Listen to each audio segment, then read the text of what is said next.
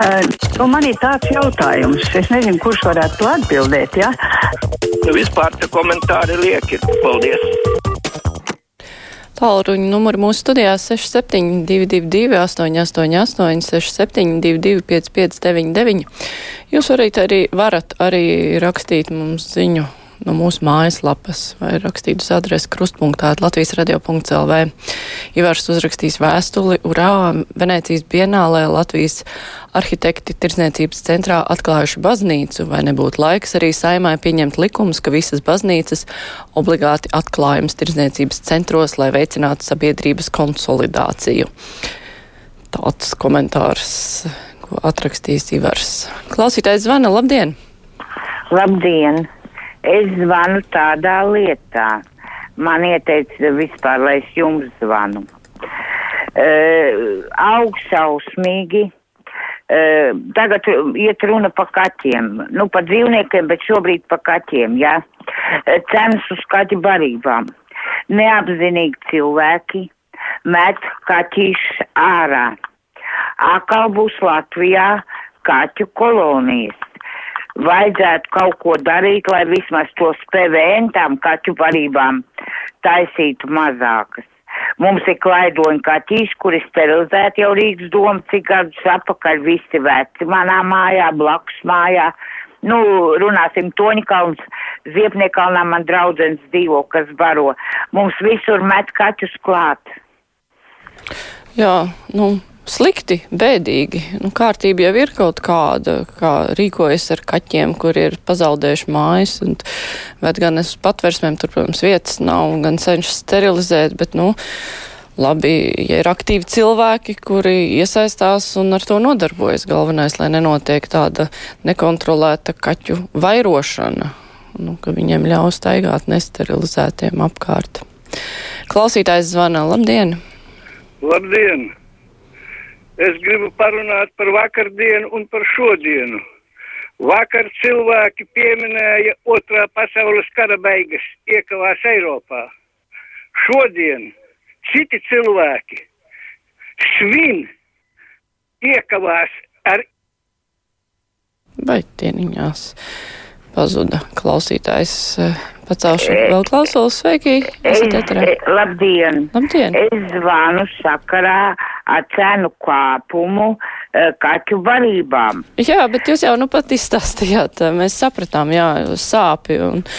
Jā, ir pieaugušas cenas kaķu barībai, un jā, diemžēl ir neapzinīgi cilvēki, kuri pamet dzīvniekus likteņu varā. Es nezinu, vai tas ir tieši ar to saistīts, bet, nu, jā, nu, es jau komentēju, ka tas ir jārisina. Klausītājs zvana, labdien! Labdien! Kunārs no Rīgas! Paldies, ka devāt man iespēju iet ēterī. Jautājums sekošais. Vai Latvijā ir kāds drosmīgs cilvēks, kas ievedīs kārtībā, kārtību attiecībā par grāmatu valsts gribas? Tātad jautājums ir, kurš, kurš melo Lato, Lapta, jeb prezidents? Paldies! Jā, cik es saprotu, jūs gribat kādu tādu pamatīgāku pētījumu par to visu, bet, nu, jā, pagaidām jums laikam atliek tikai izlasīt grāmatu un uzklausīt valsts prezidenta viedokli. Tā, nu, pamēģināšu pacelt klausulu. Labdien, brīvais mikrofons. Labdien. Labdien. Es gribēju par to imants notikumu parunāt. Jā, jā. Jā, man, man liekas, kad uh, tā policijas taisnošanās ir ļoti, nu, ļoti vienkārši. Viņiem ir visiem GPS, kas viņi var parādīt, cikos ir saņemts izsaukums, cikos viņi ir bijuši tajā galā. Tad atkritīs visas šaubas un visas pārunas.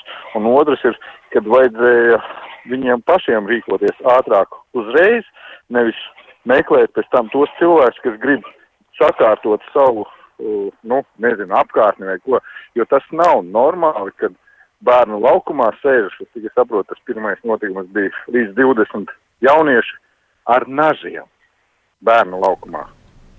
Jā, nu, es pilnīgi piekrītu, ka tas nav normāli, es brīnos, ka ātrāk neviens arī nebija reaģējis. Nu, labi, pieņemot, ka tur policija tajā brīdī nebija blakus, bet, ja kāds to redzēja, tad, eh, nu, arī varēja noziņot, bet par to ierašanos, eh, jā, tur tās nesakritības starp acu lieciniekiem un sievieti, kas sauc policiju, viņa jau taču arī bija visu fiksējusi un sekoja laikam un redzēja, un tas nesakrīt ar to, ko stāsta policija policijas pārstāvji. Klausītājs zvana. Labdien! Uh, labdien! Uh, par vardarbību un uh, šo te draudu vispār Latvijā. Teiksim tā, cilvēks var draudēt otram, vai tas ir jaunietis, vai tas ir pieaudzis, ilgus gadus ar māju dedzināšanu, ar, kad nodedzinās mājas, kad dabūs pa pūnu un tā tālāk. Un tagad šis varmāka dabū atrauties pats, tad viņš ātri aizskrien policijā, un tad policija ņem pie dziesmas nevis to draudētāju, bet to, kas viņam iedēs pa pūnu. Es neesmu pret linču tiesu, bet uh, kaut kas šeit nav, tai, nav tas īsti, es neesmu par linču tiesu, atvainojos, bet kaut kas šeit nav īsti ritīgi. Paldies! Nu, skaidrs, ka apstākļi ir jānoskaidro, visi apstākļi, arī to, kas ir bijis pirms tam, bet, nu, Skaidrs ir arī tas, ka nav normāli, ka vesels eh, bērnu bars piekauj vienu bērnu. Nu, tas principā nav normāli. Klausītājs zvana. Labdien! Labdien! Es gribēju arī par šito uh, bērnu bari, kas te salasās. Jūs saprotiet, es nezinu, kā jums Rīgā, bet pie mums uh, pasniekiem tagad ir jāstrādā, kādu mēnesi apakaļ jau tas sākās. No trījiem nakti līdz astoņiem viņiem jāizvadā visa, teiksim, tā, nu, avīzes un žurnāli un viss.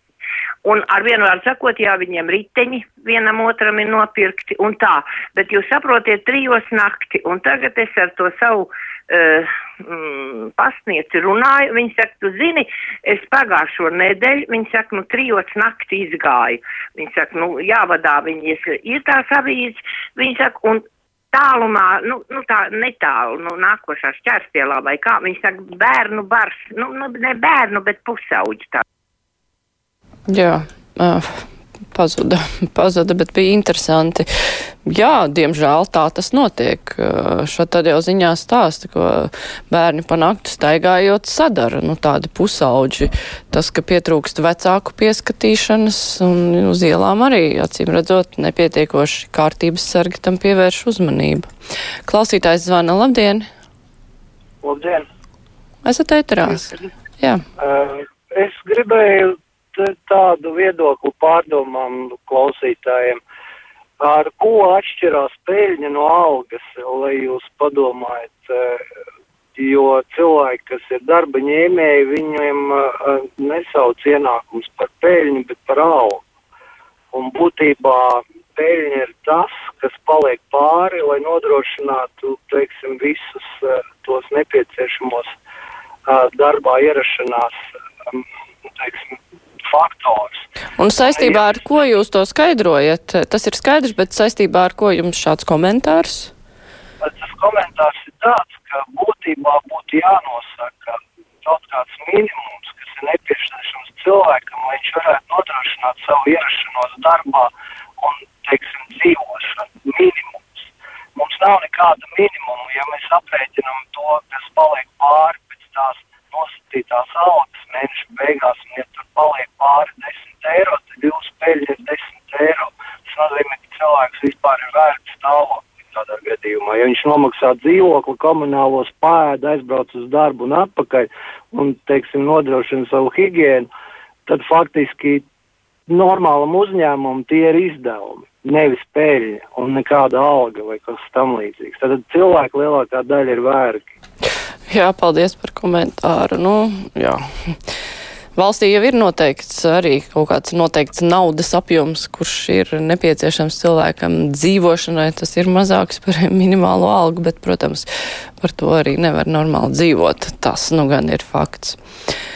Tā Gustavs pēc tā, ko viņš ir ziņās dzirdējis, kur bija Silvijas smagars stāsts par eksāmenu kārtošanu Daugaupilī. Viņam ir viedoklis par Krievijas pilsoņu eksāmenu. Nu, šī sieviete no 75. gada dzīvo Latvijā un nav iemācījusies latviešu valodu. Tā tad ir divi slēdzieni. Vai nu cilvēks ar īpašām vajadzībām, kurš nevar apgūt valodas, vai nu ir īpašs lojālisms Krievijai. Es nezinu, vai lojālisms vai kā domāts loja, lojalitāte Krievijai, bet, nu, necieņa pret uh, Latviju gan tā varētu būt. Klausītājs zvana. Labdien! Labdien! Labdien! Jansons kundze, kāpēc jūs negodīgi spiediet pogas? Jums jūs izdevīgā veidā tikai vienkārši par nagiem vajag jums. Un kas ir tas izdevīgais veids man? Tā. Bezkaunīgi esiet jūs. Vienkārši bezkaunīgi. Bet jūs varētu precizēt. Jā, pap... runkuļrāvēt jums ir nevis televīzijā, rādio jāstrādā. Tā arī neizdevās uzzināt, ko klausītājs nedzirdēja, ko gribēja dzirdēt, bet, nu, labi. Pacelšu klausulu vēl. Labdien, esat ēterā. Labdien. Labdien. Es vakar skatījos, kas notika Eiropā, un es jums teikšu, ka es gandrīz apvēmos. Francija, Vācija, šitie sarkanie krievi ar visiem tiem sarkanajiem karogiem, ko viņi tur trakoja nu, nu, nu šausmīga, un Krievs esot iegrūdis šitajā aģitācijas kampaņā divus miljardus. Te variet iedomāties, tie visi ir apmaksāti. Gan jau jūs redzēsiet, un otrs, es nezinu, es vēl esmu ēterā. Esat gan. Jā, es gribēju teikt, ka žurnālisti, jūs esat ļoti vainīgi par to, ka iet šitas mobbings pret mūsu prezidentu. Man neviens nav prasījis, vai man viņš patīk vai nē.